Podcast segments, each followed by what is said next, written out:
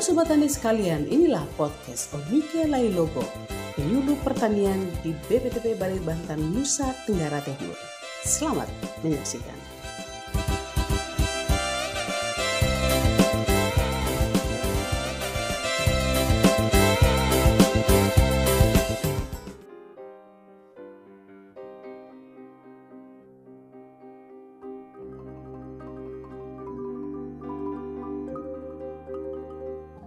Fall armyworm atau Spodoptera frugiperda atau gerayak frugiperda adalah hama ulat gerayak baru yang dapat menyerang, merusak atau menghancurkan pertanaman jagung dan tanaman lainnya hanya dalam semalam.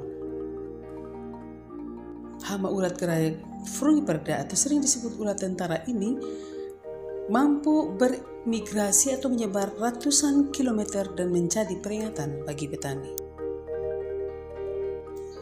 Fall armyworm atau Gryak frugiperda sejatinya berasal dari benua Amerika, namun sejak tahun 2016 telah bergerak agresif ke arah timur dan menyapu Afrika. Dan pertama kali merambah di Asia pada pertengahan tahun 2018 di India.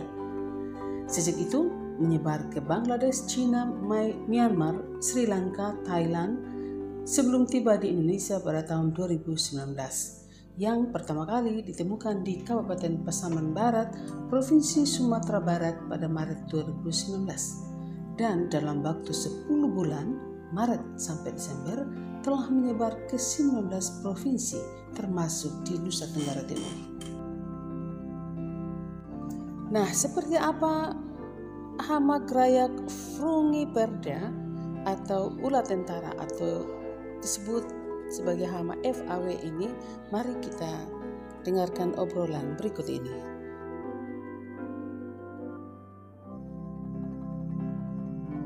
Baik, Sobat Tani sekalian, bersama saya di sini sudah ada Bapak Dr. Ever Hosang selaku peneliti pangan. Uh, memang selama ini beliau lebih fokus ke jagung ya. Uh, dan juga Ibu Noldi Kota, SPMSC ya selaku peneliti hama dan penyakit tanaman. Um, beliau berdua ini adalah peneliti di BPTP Balitbang Nusa Tenggara Timur.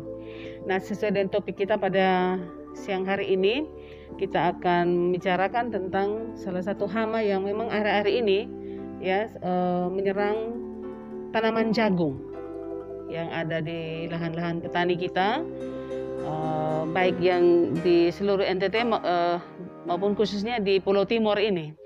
Nah, Pak Ever, sebetulnya seperti apa hama FAW ini atau yang sering disebut ulat tentara? Baik, terima kasih uh, Ibu Dr. Onike. Uh, Sobat Tani sekalian, dua tahun terakhir ini tanaman jagung banyak rusak karena serangan ulat tentara ini. Nah, ulat tentara sebetulnya dia mirip seperti uh, ulat yang sudah ada sebelumnya. Cuma sekarang ulat tentara ini mempunyai kemampuan berkembang biak dan tingkat serangan yang jauh lebih tinggi, lebih parah dibandingkan ulat gerayak yang sudah menyerang jagung selama ini. Tingkat kerusakan tinggi dan agak sulit untuk dikendalikan secara biasa-biasa. Kira itu yang terjadi saat ini. Tadi ya, okay. Tadi selain tingkat serangannya ya yang sangat yang lebih tinggi daripada uh, ulat gerayak yang biasa itu, uh, apalagi yang bisa yang membedakan dia ulat uh, tentara ini dengan ulat gerayak itu? Mungkin uh, Ibu Nurli bisa menjelaskan. Uh, baik, terima kasih Ibu Dr. Onike. Uh, jadi perbedaan antara ulat gerayak frugiperda atau dengan nama latin Spodoptera frugiperda dengan Spodoptera yang lain itu letak pembedanya tuh di uh, morfologi. Jadi di bagian atas di bagian punggung dari uh, Spodoptera frugiperda ini ada garis di sisi kiri dan kanan. Kemudian di bagian kepalanya ada uh, garis seperti Y terbalik. Dan di bagian ekornya itu ada empat titik itu yang menjadi pembeda dasar antara Spodoptera frugipirda atau FAW dengan Spodoptera yang lain. Uh, kemudian uh,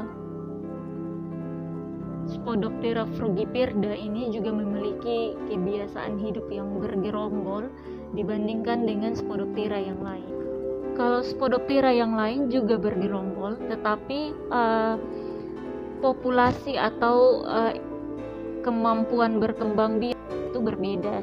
Jadi kalau misalnya di Spodoptera, frugipirda itu dia bisa bertelur sekitar uh, eh, 400 sampai 600 butir sekali bertelur. Kalau Spodoptera yang lain dia lebih sedikit populasi telurnya. Oke, okay, uh, eh, terus bagaimana dengan siklus hidup dari ulat tentara ini, Pak Ever? Nah, tadi Ibu Nuli sudah jelaskan bahwa setiap uh, induk atau hama betina ini mampu menghasilkan telur yang dalam jumlah banyak.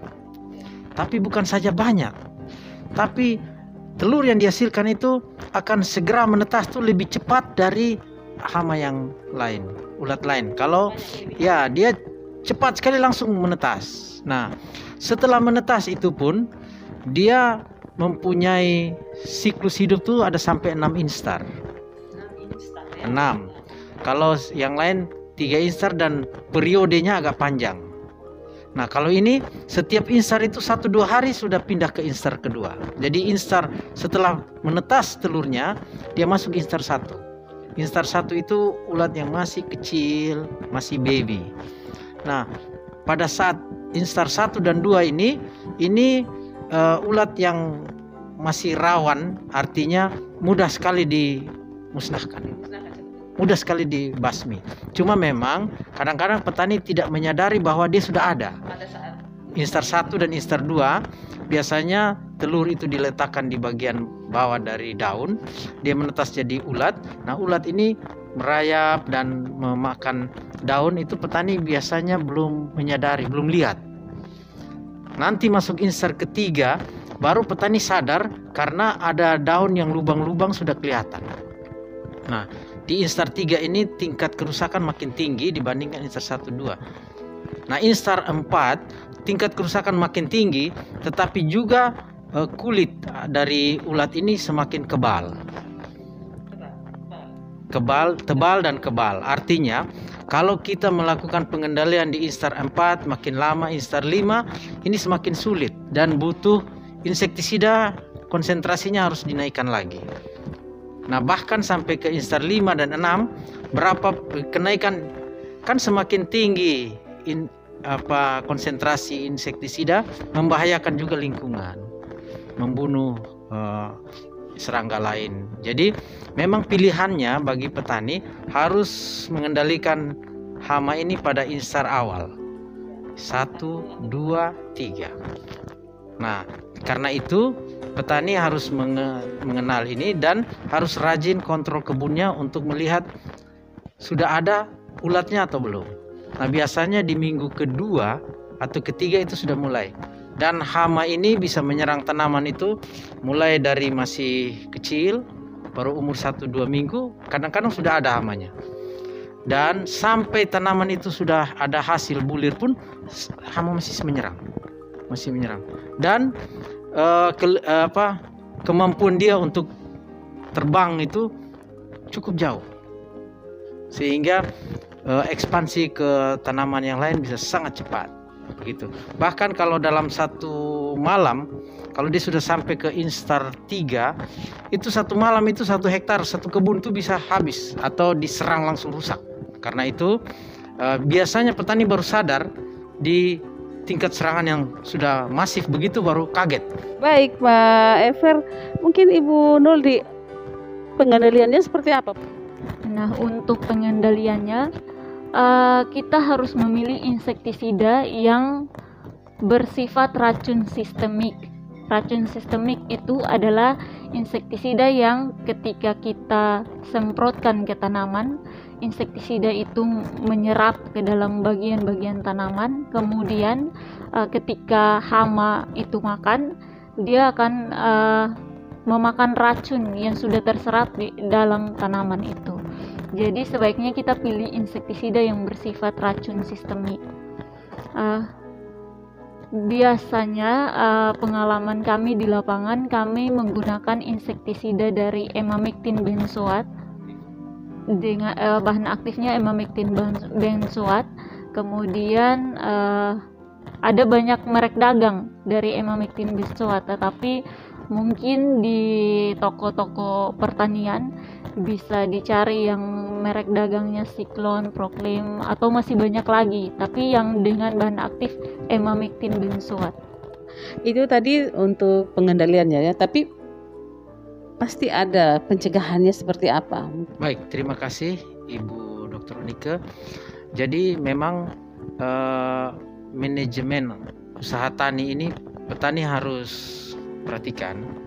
Mula-mula eh, menggunakan varietas yang bisa toleran atau tahan terhadap serangan-serangan uh, hama yang tahan kering dan sebagainya. Dan juga uh, pengendalian gulma atau pembersihan lahan sanitasi lingkungan tanaman ini penting juga.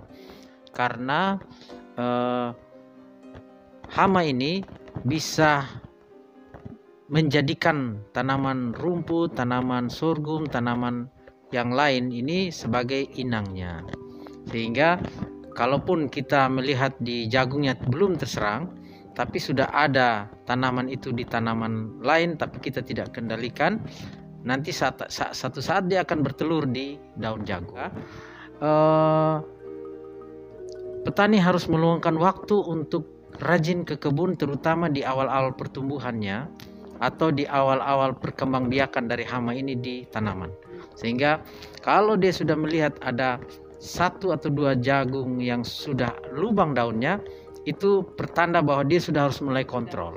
Gitu. Jadi dia jangan tunggu lebih banyak tanaman yang terserang baru kontrol itu makin susah nanti.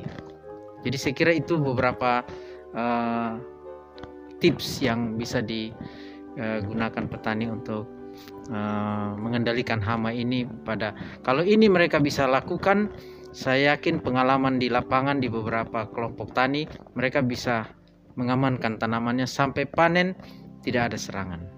Dan apalagi kalau dari awal-awal sudah dikendalikan biasanya tanaman kalau semakin besar semakin tua itu jaringan tanaman makin keras. Dan ini kalau ulat-ulat yang baru menetas biasanya kurang suka juga jaringan tanaman yang sudah tua sehingga membuat dia uh, tingkat serangannya tidak terlalu parah. Saya kira itu beberapa tips. Baik, sobat tani sekalian, demikian uh, apa yang dapat kami sajikan pada episode kali ini. Uh, terima kasih Pak Ever, Pak Dr. Ever, Ibu Noldi uh, untuk kesempatannya berbagi bersama kita pada sesi ini di podcast Onike Logo Berbagi. Kita akan jumpa lagi pada episode berikutnya nanti dengan informasi-informasi yang tentunya uh, berguna atau bermanfaat bagi Bapak Ibu sekalian. Sampai jumpa dan salam inovasi.